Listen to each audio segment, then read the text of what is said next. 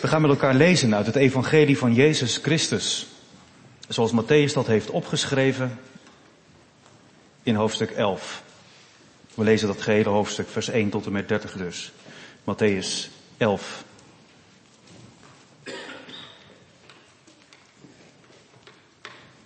En voor de gasten in ons midden die de aankondiging niet hebben gelezen, de tekst voor de preek is vers 12. Dan kunt u daar bij het lezen van dit lange hoofdstuk al een beetje rekening mee houden. Die tekst staat in een bepaald verband. Vers 12 dus als tekst voor de preek straks. We lezen het hele hoofdstuk. En het gebeurde, toen Jezus geëindigd had zijn twaalf discipelen opdrachten te geven, dat hij vandaar vertrok om onderwijs te geven en te prediken in hun steden.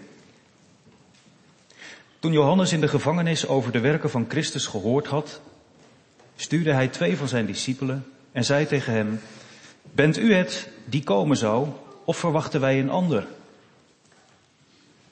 En Jezus antwoordde en zei tegen hen, ga heen en bericht Johannes wat u hoort en ziet. Blinden worden ziende en kreupelen kunnen lopen, melaatsen worden gereinigd en doven kunnen horen. Doden worden opgewekt en aan armen wordt het evangelie verkondigd. En zalig is hij die aan mij geen aanstoot neemt. Toen deze weggingen begon Jezus tegen de menigte te zeggen over Johannes, waar bent u in de woestijn naar gaan kijken? Naar een riet dat door de wind heen en weer bewogen wordt? Nou, als dat dan niet het geval is, zou je erbij kunnen lezen. Maar waar bent u dan naar gaan kijken? Naar iemand in kostbare kleding gekleed? Zie, zij die kostbare kleding dragen zijn in de huizen van de koningen. Als u daar dan niet naar wilde kijken, waar bent u dan naar gaan kijken? Naar een profeet. Ja, ik zeg u, zelfs naar veel meer dan een profeet. Want hij is het over wie geschreven staat, zie, ik zend mijn engel voor uw aangezicht, die voor u uit uw weg gereed zal maken. Voorwaar, ik zeg u, Onder hen die uit vrouwen geboren zijn, is niemand opgestaan die groter is dan Johannes de Doper. Maar wie de minste is in het koninkrijk der hemelen, is groter dan hij. En van de dagen van Johannes de Doper af tot nu toe wordt het koninkrijk der hemelen geweld aangedaan. En gewelderaars grijpen het. Want al de profeten en de wet hebben tot Johannes toe geprofiteerd. En als u het wilt aannemen, hij is Elia, die komen zou. Wie oren heeft om te horen, laat hij horen. Maar waarmee zal ik dit geslacht vergelijken? Het is zoals de kleine kinderen die op de markt zitten en hun vriendjes toeroepen. We hebben voor jullie op de fluit gespeeld, maar jullie hebben niet gedanst. Wij hebben klaagliederen voor jullie gezongen, maar jullie hebben geen rouw bedreven. Want, dan komt de uitleg van die beeldspraak, want Johannes is gekomen hij at niet en hij dronk niet en ze zeggen, hij heeft een demon. En de zoon des mensen is gekomen die wel at en dronk. En ze zeggen, zie daar een vraatzuchtig mens en een drinker, een vriend van tollenaars en zondaars. Maar de wijsheid, hier nadrukkelijk met een hoofdletter vertaald, Jezus is gerechtvaardigd door haar, door zijn kinderen. En toen op dat moment begon hij de steden waarin de meeste krachten door hem verricht waren te verwijten dat ze zich niet bekeerd hadden. Wee u Gorazin, wee u Bethsaida. Want als in Tyrus en Sidon de krachten gebeurd waren die in uw plaats gevonden hebben, dan zouden zij zich al lang in zakken als bekeerd hebben. Maar ik zeg u, het zal voor Tyrus en Sidon verdraaglijker zijn op de dag van het oordeel dan voor u. En u, Capernaum, die tot de hemel toe verhoogd bent, u zult tot de hel toe neergestoten worden. Want als in Sodom de krachten waren gebeurd die in u hebben plaatsgevonden, dan zou het tot op de huidige dag gebleven zijn. Maar ik zeg u dat het voor het land van Sodom verdraaglijker zal zijn op de dag van het oordeel dan voor u. In die tijd antwoordde Jezus en zei, ik dank u, Vader, Heere van de hemel en van de aarde, dat u deze dingen voor wijze en verstandigen verborgen hebt en ze aan jonge kinderen hebt geopenbaard. Ja, Vader, want zo was het uw welbehagen. Alle dingen zijn mij overgegeven door mijn vader. En niemand kent de zoon dan de vader. En niemand kent de vader zo dan de zoon de vader kent. En hij aan wie de zoon het wil openbaren. Kom naar mij toe. Alle die vermoeid en belast bent. En ik zal u rust geven. Neem mijn juk op u. En leer van mij dat ik zachtmoedig ben en nederig van hart en u zult rust vinden voor uw ziel. Want mijn juk is zacht en mijn last is licht. En van de dagen van Johannes de Doper af tot nu toe wordt het koninkrijk der hemelen geweld aangedaan. En geweldenaars grijpen het. Dus de tekst voor de preek, woorden van Jezus uit het evangelie van Matthäus, vers 12, het hoofdstuk 11. Het thema van de preek vanmiddag is geweld in het koninkrijk van God. Geweld in het koninkrijk van God. Jongens en meisjes, het is geen makkelijke preek vanmiddag. Misschien wel eens vaker niet. Dan is het echt ook de taak van een dominee van mij vanmiddag. Om dan aan het begin jullie al een beetje te helpen. Ik hoop niet dat ik al te veel verklap voor de oudere mensen in de kerk van hoe eh, het precies af gaat lopen, deze preek. Want ik kan me voorstellen dat u best, ja, als u zo'n tekst hoort, denkt, hoe gaat dit worden uitgelegd en wat heeft dit met ons leven te maken enzovoort. Um, maar ik waag het er maar op. En ik gebruik twee voorbeelden. Eentje, jongens en meisjes, die jullie allemaal herkennen en misschien bijna allemaal wel hebben meegemaakt.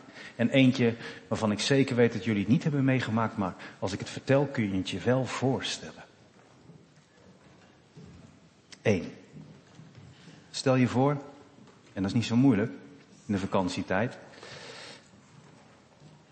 Je staat met papa en mama en je broertjes en zusjes in de rij bij een grote speeltuin. Jij en je broertjes en zusjes mogen gratis naar binnen, want papa of mama heeft al betaald. Heb je wel eens in de rij gestaan? Voor een grote speeltuin? Ja? En wat doe je dan? Als je erdoor mag, het is zoals wij zelf hebben meegemaakt, nog niet eens zo lang geleden, precies tien uur. Dan worden de kaartjes gescand of de digitale kaartjes via de telefoon van papa of mama tegen dat ding gehouden. En dan? Wat doen alle kinderen dan? Dan gaan ze net als ze door het poortje zijn op een bankje zitten. Heel zagrijnig. Waarom komt de schommel nou niet naar mij toe? Nee, hè. Wat doen die kinderen dan? Let goed op het woordje wat ik nu ga gebruiken. Het lijkt wel alsof ze allemaal in een mum van tijd heel die speeltuin veroveren. Die schommel komt niet naar jou toe. Daar moet je zelf naartoe. En als je niet snel bent, sta je in de rij. Je moet er moeite voor doen. Je best ervoor doen, anders kom je er niet, toch? Probeer dat even te onthouden. Kom ik straks op terug. Voorbeeld van een speeltuin. Er zijn ook kinderen en oudere mensen die iets heel anders meemaken. Die het bijvoorbeeld hebben meegemaakt dat ze op de vlucht waren op een boot. En dat die boot zonk. En dat ze allemaal in het water vielen. Ze probeerden allemaal boven water te blijven, maar niet iedereen had een zwemvest en niet alle kinderen konden al even goed zwemmen. Dat is eng. Maar wat gebeurde er? Er kwamen reddingsboten aan en die gooiden allemaal touwen en reddingsboeien overboord naar die mensen die daar lagen te spartelen. En je ziet het voor je, hè? Al die mensen die dat zagen gebeuren en daar in dat water lagen, die grepen die reddingsboei, die grepen het touw Die deden hun uiterste best om gered te worden. Dat deden die mensen ook in de reddingsboot. Maar wat heb je aan een reddingsboei als die naast je drijft en jij zit er niet in en je hebt hem niet vast? Wat heb je aan een touw als je het niet pakt? En als je dan eenmaal in zo'n reddingsboot bent, dan is de strijd nog niet over. Dan houd je elkaar vast. En je kijkt goed naar degene die het roer vast heeft. En als het een roeiboot is, dan moet je ook nog roeien. En dat doe je niet zo. Uh... We kijken wel waar we komen. Dan moet je kracht voor gebruiken, toch? Anders blijf je dobberen, kom je nooit aan de kant. Nou, twee voorbeelden die we even ergens vast moeten zetten in ons hoofd. Dan gaan we luisteren naar de preek over Matthäus 11, vers 12. Het koninkrijk van de hemelen. Geweld. Hoe zit dat nou? Dat koninkrijk van de hemelen, zegt Jezus, dat wordt vanaf het moment dat Johannes de Doper is gekomen, tot en met dat ik dit nu zeg, zegt Jezus, geweld aangedaan. En er zijn geweldenaars die grijpen dat koninkrijk. Als je dat zo oppervlakkig leest, en misschien wel als je ook nauwkeurig leest, dan kun je daar misschien wel heel bezorgd over worden. En misschien voedt het ook wel een beetje de, de wanhoop en de moedeloosheid die sommige christenen echt wel herkennen op zijn tijd, toch? Is de duivel, als ik zo om me heen kijk, niet veel machtiger dan Jezus? Uw koninkrijk komen. Met eerbied gesproken, met gevouwen handen, maar komt er nog wat van dan? Er is zoveel verdeeldheid bij christenen onderling om je voor te schamen.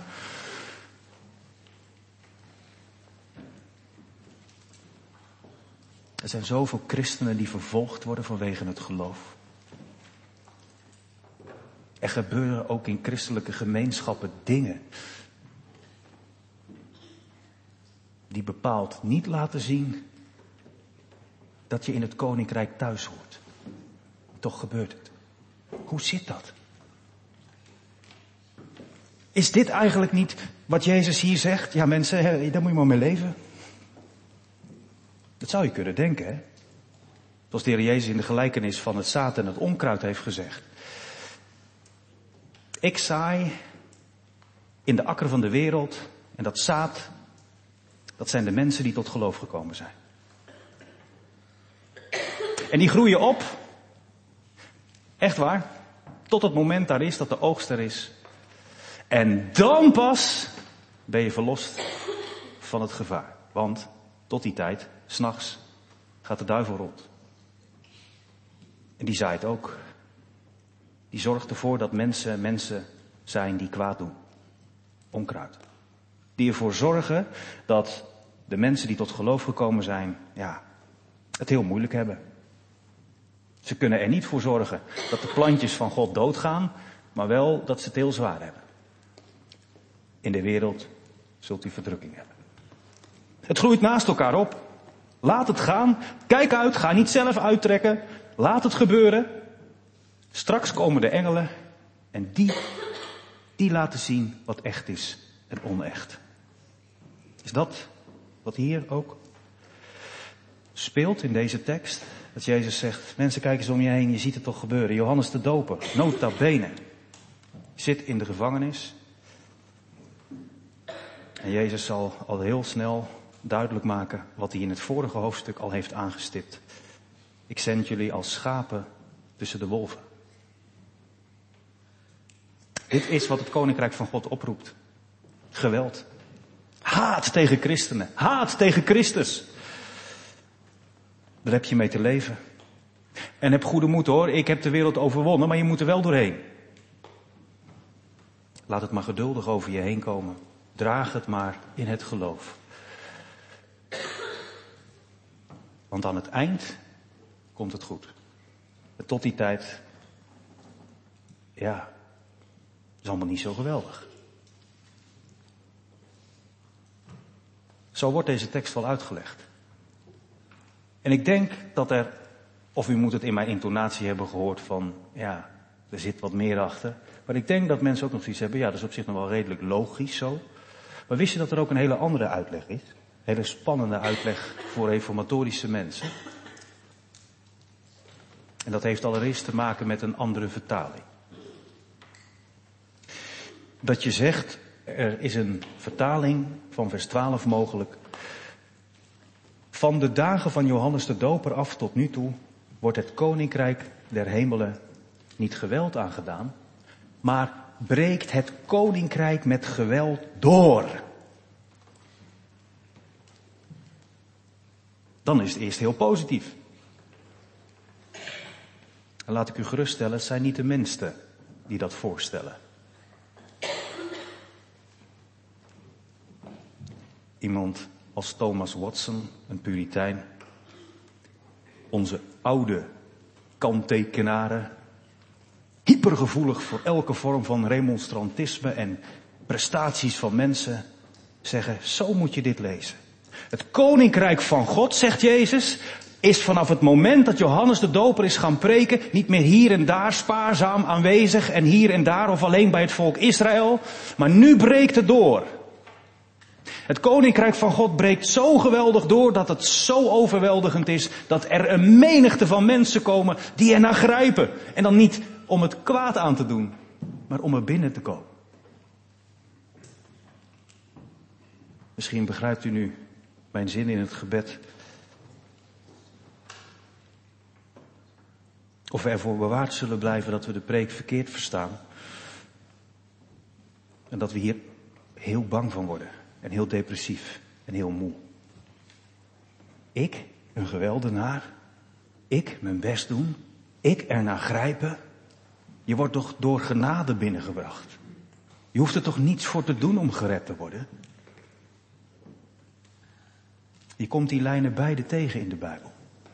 Uit genade bent u zalig geworden, zegt Paulus. Zeker. Tegelijkertijd zegt Jezus, strijd om in te gaan. Ga in door de nauwe poort. Echt hoor, er zijn er velen die hem niet vinden, die bedanken ervoor. Dan denk ja, dat is veel te veel werk. Dan moet ik veel te veel loslaten. Ik heb geen zin in die bekering. Ik wil wel horen dat ik, dat ik alles wat ik heb misdaan vergeven krijg. Maar dat dat ook iets vraagt. Een verandering van leven. Het loslaten van dingen waarvan God een afkeer heeft. Ja, dat hoort erbij. Een kind van God, laat Jezus ons vanmiddag weten. Hoeft geen tobber te zijn. Hoeft geen twijfelaar te zijn maar is een geweldenaar. Waarom? Omdat je zulke spierballen hebt, omdat je zo groot geloof hebt. Nee, omdat je het lef niet hebt om God niet te gehoorzamen. Want die nauwe poort, daar staat een verkondiger van het evangelie bij, die zegt, hierheen naar binnen. Dat er velen zijn die er niet naar binnen gaan, heeft niks met die poort te maken. Maar met dat ze ervoor bedanken voor de wijze waarop je er binnenkomt. Zo gezien begrijp ik nu ook die vreemde woorden van Jezus in het vers ervoor. Voorwaar, amen. Let op, dit is toch wel even een zin die je niet moet vergeten. Wis en waarachtig. Ik zeg u. Als we het over Johannes de Doper hebben, er is niemand, ook Jeremia niet, ook Jezaja niet, zelfs Mozes niet, die uit vrouwen geboren is, die groter is dan Johannes de Doper. Hij was de laatste van de profeten, de allergrootste profeet, meer dan een profeet. Hij was de voorloper, de heroot, die mij heeft kunnen aankondigen, die de deur naar de heidenen heeft opengezet. Die het koninkrijk van God preekte als het is nabijgekomen, bekeer je. En ze zijn allemaal gekomen, Joden en niet-Joden. Ze kwamen tot de doop van Johannes. En ze gingen ondersteboven van die machtige boodschap. Ze stonden te huilen. Mag ik het een keer plat zeggen? Dan weet u gelijk waar het om spant. Ze stonden ervan te janken wat ze hoorden. Niet van, wat zegt die man allemaal voor nare dingen over mij en mijn leven? Maar ze bekenden kleur. Ja, dit zijn wij. We gaan onder in dat water. Want Jezus komt, de koning komt eraan. Ze bekeerden zich. Ze waren er klaar voor. Wat een machtige man, Johannes. Maar, zegt Jezus, voor wie in het koninkrijk der hemelen is binnengegaan, is de kleinste groter dan hij. En dat heeft er niet mee te maken dat Johannes statuur uiteindelijk dan overdreven is door Jezus. Dat blijft helemaal staan. Maar hij was de man van de oude bedeling. Hij was de man van de schaduwdienst. Hij was de man die heen wees. Hij was de allerlaatste profeet die zei, en nu is het vervuld. En vanaf dat moment dat Jezus voor de mensen staat, dat Jezus is gekomen om te lijden en te sterven en zijn leven te gaan geven, in die tijd leven wij ook. Wij leven daarna. Is het kleinste kind in de kerk dat amen zegt op de belofte van God is de meest eenvoudige mens hier in de Laankerk, die misschien helemaal niks heeft voor te stellen, misschien wel faalangst heeft gehad of kent en die een minderwaardigheidscomplex kan hebben. Die hoort in de kerk, je bent een geweldenaar. Wanneer? Als je doet wat Jezus zegt. Kom, geloof. Hierheen. Naar mij. Naar binnen. Dat is geloof wat je veel meer in de Bijbel tegenkomt dan we misschien wel horen. Nogmaals, de boodschap van genade, die is wel doorgedrongen in de Laankerk. Hoe kan het ook anders? Na zo'n heerlijke evangelieprediking, al die jaren. Tegelijkertijd is er ook de lijn van Jezus in deze tekst. De rode draad door het evangelie. Ik zie het gebeuren. Die Canaanese vrouw, die is niet weg te slaan bij Jezus. Kan me niks schelen dat ik een hondje word genoemd. Maar ik zie kruimeltjes. Ik kan erbij. Ik mag het toch hebben.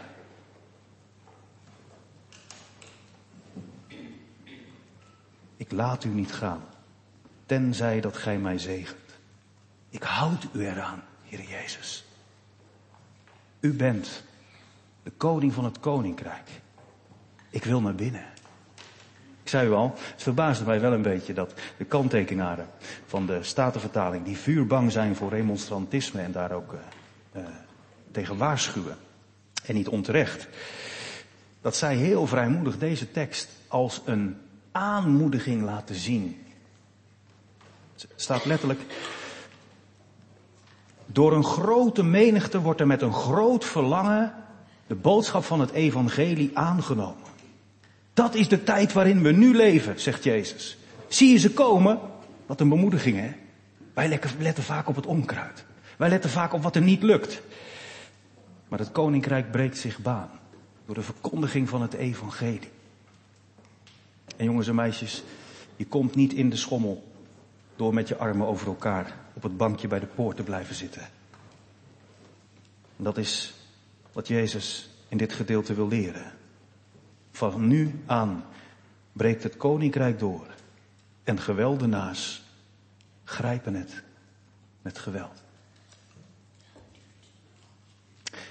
En om misverstanden te voorkomen, gemeente, daarom heb ik het hele hoofdstuk gelezen. Als je doorleest, dan zie je wat Jezus uiteindelijk bedoelt. Je zou denken, als hij het tegenovergestelde ziet gebeuren, zoveel mensen die al die krachten hebben zien gebeuren in, in, in, in, de, in de streken daar waar hij staat te preken. Hij zegt, als de krachten geschied waren op andere plaatsen hadden de mensen wel geloof, maar jullie niet. En dan kijkt Jezus omhoog en dan zegt hij, ik dank u Vader, Heere van de hemel en van de aarde, dat u deze dingen van het koninkrijk van God verborgen hebt voor wijze en verstandigen. Wat zijn dat? Mensen die zeggen, u zegt wel bekeert u, maar dat doe ik niet. Dat heb ik niet nodig. Of dat wil ik niet, heren. Wij zijn verstandige mensen. Dat zijn mensen die in zichzelf denken, ik weet het beter. Kom naar mij toe. Als je vermoeid en belast bent, ik kan het zelf wel. Ik doe het op mijn manier. Mensen die denken, zonder Jezus red ik het wel in het leven. Straks aan het eind heb ik hem nodig. Je komt ze elke keer tegen. Wat een bevrijding Dat wij hier dan niet met lege handen naar huis worden gestuurd en de boodschap horen. Dat komt omdat je van nature geneigd bent om God en je naaste te haten. Wacht maar tot God over de brug komt. Zo is het nou met ons. Wij weerstaan de Heilige Geest. En ja, dat doen wij van nature. En dan moet je vandaag mee stoppen, als dat zo is. Want er is alle reden toe om God niet te weerstaan. Hij heeft recht op ons leven. En als we dat hebben gehoord, die boodschap, dat wij mogen komen en dat je niet hoeft mee te brengen, dat je zo alleen door het poortje past, dan mag je juist uitgaan, de toevlucht nemen tot Hem, maar ook als je binnengekomen bent in het koninkrijk van God. Niet op een stoel gaan zitten, ik ben er. Hoe vaak lezen we niet juist in de brieven van het Nieuwe Testament dat als de apostelen hebben uitgelegd wat God allemaal gedaan heeft, je verkoren, je gered, uitgenade, dan komt het. Word toornig, maar zondig niet. Heb liefde voor elkaar, zonder veroordeling. Draag elkaars lasten. Dat is hard werken, gemeente. Echt waar. Dat is geweld gebruiken. Zinvol geweld. Als je gezond bent, zeg ik er maar even wel bij. Als je gezond bent en je werkt hard, dan heb je slaap nodig. Paulus zegt dat weet ik ook, maar ik moet ook bidden. Dus ik moet mijn lichaam op een of andere manier zo trainen dat ik en tijd heb om te werken, en tijd om te slapen, en tijd om te bidden. Ik noemde u eerder al 1 Korinthe 8 en 9, waarin Paulus zegt, de weg in het koninkrijk van God naar de eindstreep, naar de overwinning, is een weg van doorzetten, volhouden, je oefenen. Niet zomaar wat in de lucht slaan, of je laten afleiden door muntjes die op de, op de wedstrijdvloeren, op de wedstrijdbaan worden gelegd. Maar gaan en zorgen dat je de eerste bent. Geweld gebruiken in de goede zin van het woord. Is dat een boodschap die ons moe maakt? Dat kan. Maar ligt dat aan de boodschap of aan ons verstaan? Is het niet juist in het koninkrijk van God zo, zoals Jezus zegt? Wees niet wijs en verstandig in eigen oog, maar laat het je bekend maken door mijn Vader in de hemel, kindertjes. Verneder je voor mij. Volg niet je eigen wil. Als je binnen bent, mag je aan het werk. Ik zei het al, zelfs als je in de maatschappij niets voorstelt. Een kind van God heeft het recht om een geweldenaar te zijn. Want het is niet in eigen kracht dat ik de boze overwin. Het is niet in eigen kracht dat het woord van God door zijn geest in mij woont. Het is allemaal te verkrijgen. Is dat niet een reden om dat geweld gebruiken ook op het gebed te plakken? Hoe staat het met ons gebedsleven? Is er niet een overvloeiende bron van goedheid bij God die we aan mogen boren? En dan niet omdat God, nou ja, heel moeilijk over de brug komt, dus hij heeft heel veel gebeden en heel veel geweld nodig. Nou, eindelijk, God is geen onrechtvaardige rechter. Zou hij het gebed niet horen van degene die bidden om meer van de geest, om minder van het vlees, om meer liefde, om meer volharding, niet verhoren. Liefde gemeente, ik ben al bijna aan het einde van de preek hoor. U moet extra veel tijd hebben misschien wel vanavond. Om hier eens goed over na te denken. Maar als ik Jezus goed begrepen heb, dan is dit geen, incident. Als het koninkrijk van God te midden van het onkruid en de goddeloosheid groter en groter wordt. Kijk dan niet naar het uiterlijk vertoon. En denk niet meteen als iemand roept, hier is het koninkrijk, oh daar moet ik zijn. Nee, het is op een bepaalde manier verborgen, maar het is er wel. Juist daar wordt het geweld zichtbaar. Als mensen graven in het woord. Mensen bidden aan de troon van Gods genade. Mensen door de geest ook weten, ik ben gezalfd tot een geweldenaar. Ik mag het doen, want het is beschikbaar. Ik ben in mijzelf helemaal, helemaal, helemaal, helemaal niets. Maar ik grijp met geweld mijn God vast. Ik laat u niet gaan, tenzij dat u mij zegent. Ik oefen mijn lichaam op een harde wijze, zodat ik mij dienstbaar kan maken. En Jezus, nadat hij is opgevaren naar de hemel, en zo'n 60 jaar later vanuit de hemel Johannes toespreekt, dan zegt hij Johannes, die zeven gemeentes van mij die nu een uh, x aantal jaren onderweg zijn, die heb ik eens bekeken. Ik ben er tussendoor gelopen. Ik heb bij uh, een gemeente aan de deur staan kloppen. Ik heb gezien hoe het daar nu gaat. Die heeft tegen Johannes gezegd, Johannes schrijft ze allemaal een brief. En zoals hij in Matthäus 11 zei, vlak na de woorden van onze tekst, wie oren heeft die horen, laat hij zeven keer aan elke gemeente schrijven. Wie oren heeft om te horen, die horen. En wat staat er dan? Eerste brief aan het eind, de, brief aan de gemeente van Efeze, weet je wel, de eerste liefde verlaten. Over lauwheid gesproken. Waar is het geweld van de liefde, de drang, passie gebleven? Mag God daar naar vragen? Mag Jezus daarop wijzen? Als je weet dat hij gelijk heeft. En dat het geen verwijt is om je naar buiten te sturen. Maar een welkom om het weer te komen halen. Om het vuur weer aan te wakkeren. Om die eerste liefde weer hersteld te krijgen. En aan het eind van die brief. Wie oren heeft, laat hij horen wat de geest tegen de gemeente zegt. En dan?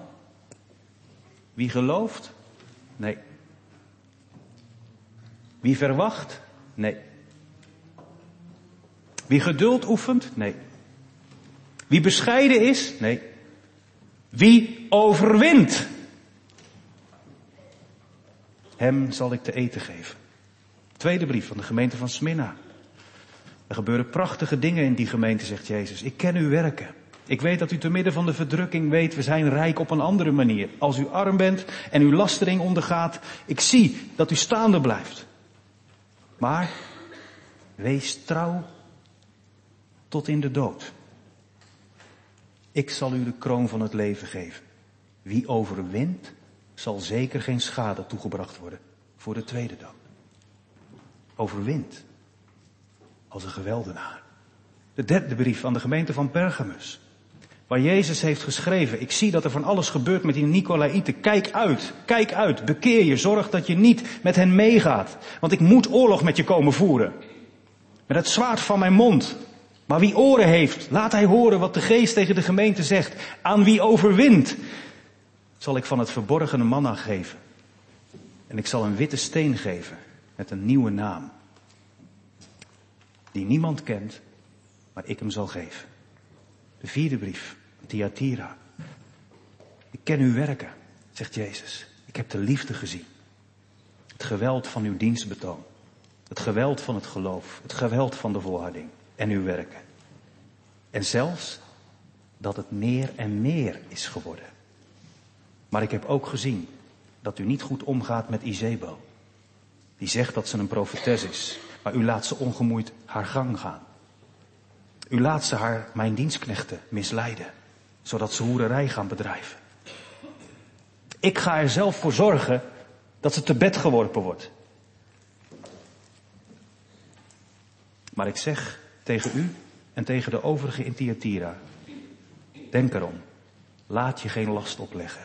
Houd vast aan wat u hebt. En wie overwint en wie mij werken tot het einde toe in acht neemt, hem zal ik geven macht over de heidenvolken. De vijfde brief, we zijn er bijna hoor. Maar toch, de brief aan de gemeente van Sardis. Ik ken uw werken, heeft Jezus geschreven. En weet dat u de naam hebt dat u leeft. Maar u bent dood. Wees alsjeblieft waakzaam. Versterk het overige dat dreigt te sterven. Want ik heb uw werken niet vol bevonden voor God. Maar Jezus, het is toch genade? Jazeker. Voordat je tot geloof komt, doen die werken niet mee. Maar daarna, dan mag hij erop terugkomen. Hij doet het zelfs, ronduit, zwart op wit, in een brief. Bedenk dan hoe u het hebt ontvangen en gehoord en houd het vast. en bekeer u. Wie oren heeft, laat hij horen wat de geest tot de gemeente zegt. Wie overwint als een geweldenaar zal bekleed worden met witte klederen.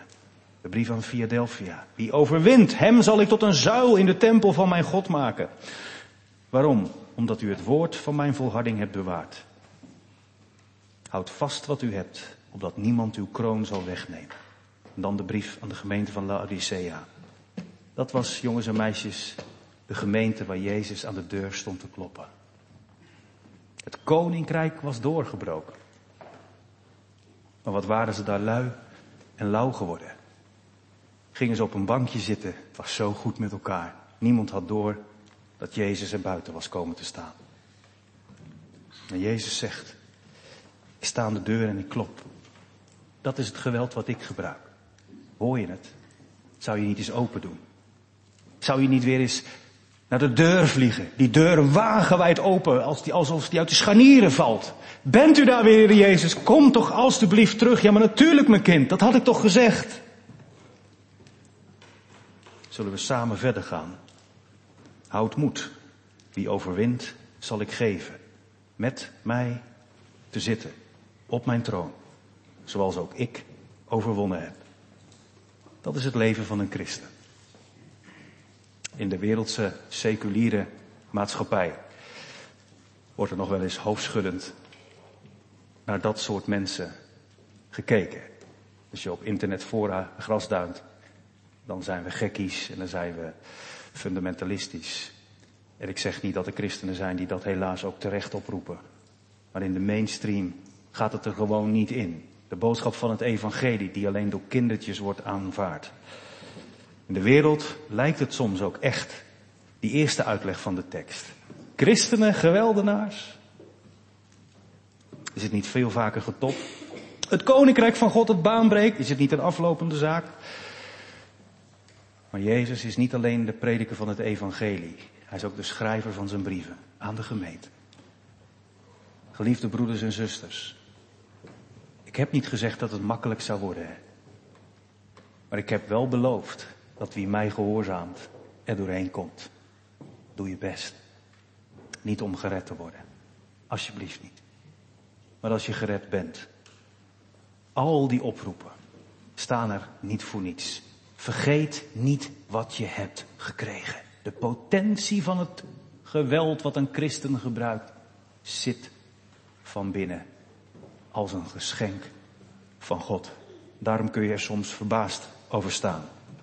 Hoe mensen waar je het niet van verwacht, kinderen soms, of mensen die net tot geloof gekomen zijn en misschien heel veel ballast niet hebben, die in de preek van vanmiddag wel meedoet en bij u in uw leven. Mensen die heel spontaan tot geloof gekomen zijn en die verbaasd zijn over, ja, zoveel, zoveel lauwheid in de kerk.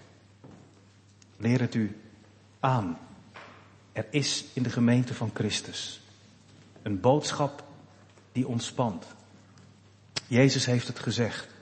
We leven in een tijd waarin mensen die de minste kunnen zijn in het koninkrijk van God, meer zijn dan Hij.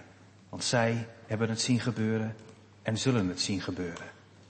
Het koninkrijk is er. En voor wie binnengaat, is er kracht, is er energie. Is het Paulus niet die dat zei?